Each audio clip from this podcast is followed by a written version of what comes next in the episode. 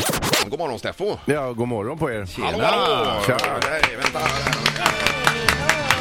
Ja, Går, går det an att titulera dig som livsnjutare? Ja, det är, det är njutningsapostel funkar också. Jajamän. Ja, det går bra. Men alltså hur har det blivit som det har blivit Steffo? Varför har du blivit en sån livsnjutare? Jag, jag är mest förvånad över att alla inte är det. Eh, för mig eh, så handlar det om insikten om att det här livet som vi har, det är förbannat kort. Och eh, ska man ändå äta något så kan man ju äta något som är gott. Och ska man åka bil så kan man åka i en rolig bil. Och ska man lyssna på musik så kan man lyssna på något som är bra och som betyder något. Livet är för kort för att slarvas bort helt enkelt. Och då måste man passa på att njuta. Ja, det är bra sagt. Ja, du känns så härlig och fri på något sätt.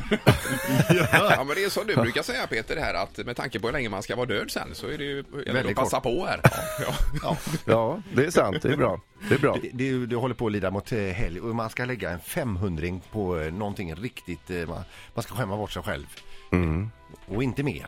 Utan 500 kronor. Vad- 500 spänn. Mm. Då tycker jag att man... eh, Och vi är i Göteborg, va? Är inte det? Jo, det är riktigt. Ja. Då tycker jag att man ska gå ner eh, till exempel till Brobergs Tobak så öppnar man med att köpa en cigarr, en Avo Intermezzo. Kostar en dryg hundring, då har vi 380 spänn kvar. Då köper vi en eh, 15-årig Dalwhinnie, en Speyside whisky, som vi vattnar lite grann. Ja, där har Eh, jag faktiskt varit på det destilleriet i Skottland, där Dalwhinnie. Åh, visst är det härligt Ja, där? Otroligt vackert. Och, Ja. är det. Det är det högst belägna i Skottland, det är vackert. ja. Det- Mm. men eh, Efter detta har vi väl inga pengar kvar va? Nej, men det behövs inte heller. Nej, utan, Nöjd och det var glad. precis detta jag ville ha ut utav dig. Ja. Ja.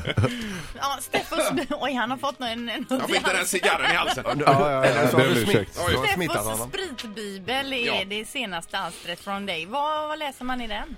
Oj gud, det är, det är 350 sidor och jag upptäckte när jag fick hem böcker igår från förlaget, de väger ju två kilo styck. Oj, oj, oj. Eh, så det är två kilo eh, information. Allt om eh, alla spritsorter, både hur man ska dricka dem och hur man gör dem och tips, eh, vad som passar bra till. Det är det egentligen vi är sämst på. Folk är rätt hyggliga på att kombinera vin med, med saker men sprit har vi ju ingen kunskap om alls. Nej. Nej. Ta konjak till exempel. Eh, 75% av all konjak som dricks i Sverige ska man egentligen inte dricka. Den görs inte för att drickas. Nej. Vad ska man ha den till då?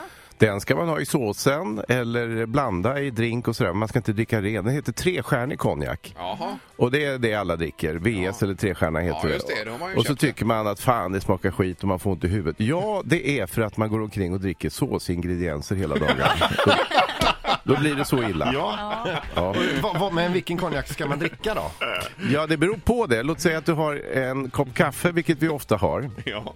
Då ska man dricka en konjak som heter VO eller Napoleon.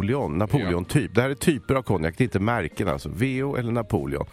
Och gissa, den stora systembolagsskandalen just nu är att den typen av konjak finns inte i standardsortimentet på bolaget. Aj, aj, aj. Då får man eh, göra en extra beställning på det då. eller? Man får göra en extra beställning, men det innebär att Systembolaget har alltså inte koll på eftersom det är så vi dricker konjak, det är till kaffet och de har ingen som är bra till kaffet i standardsortimentet. Det är skandal. Det var en passning detta som hette duga. Ja, det var det. Du Steffo, det känns ju som du är om dig och kring dig. Du kör morgon-tv och du Mm. är, skriver böcker och du gör föreläsningar. Hur orkar du? Och Twitter. Och Twitter hela tiden. Ja. Ja. Ja, Golf glömde ni också. golf, du gjorde en nio nyligen läste vi på Twitter. Ja, det gjorde jag. Det är bara en vecka sedan. Har, har ni läst det? Ja. Ja, ja, ja. Ska vi prata mycket om det? Ja. Vill du det? Nej, men ti- tiden är, ju, tiden är ju problemet alltså. Få allt att räcka till. Det är ju. det. Men om man bara gör roliga grejer så vad fan, då får man väl köra på då. Men du, eh, bortsett ifrån spritbibeln nu, alltså om man nu vill eh, haka på ditt livsnjutartåg, eh, vilka böcker är det du har gjort?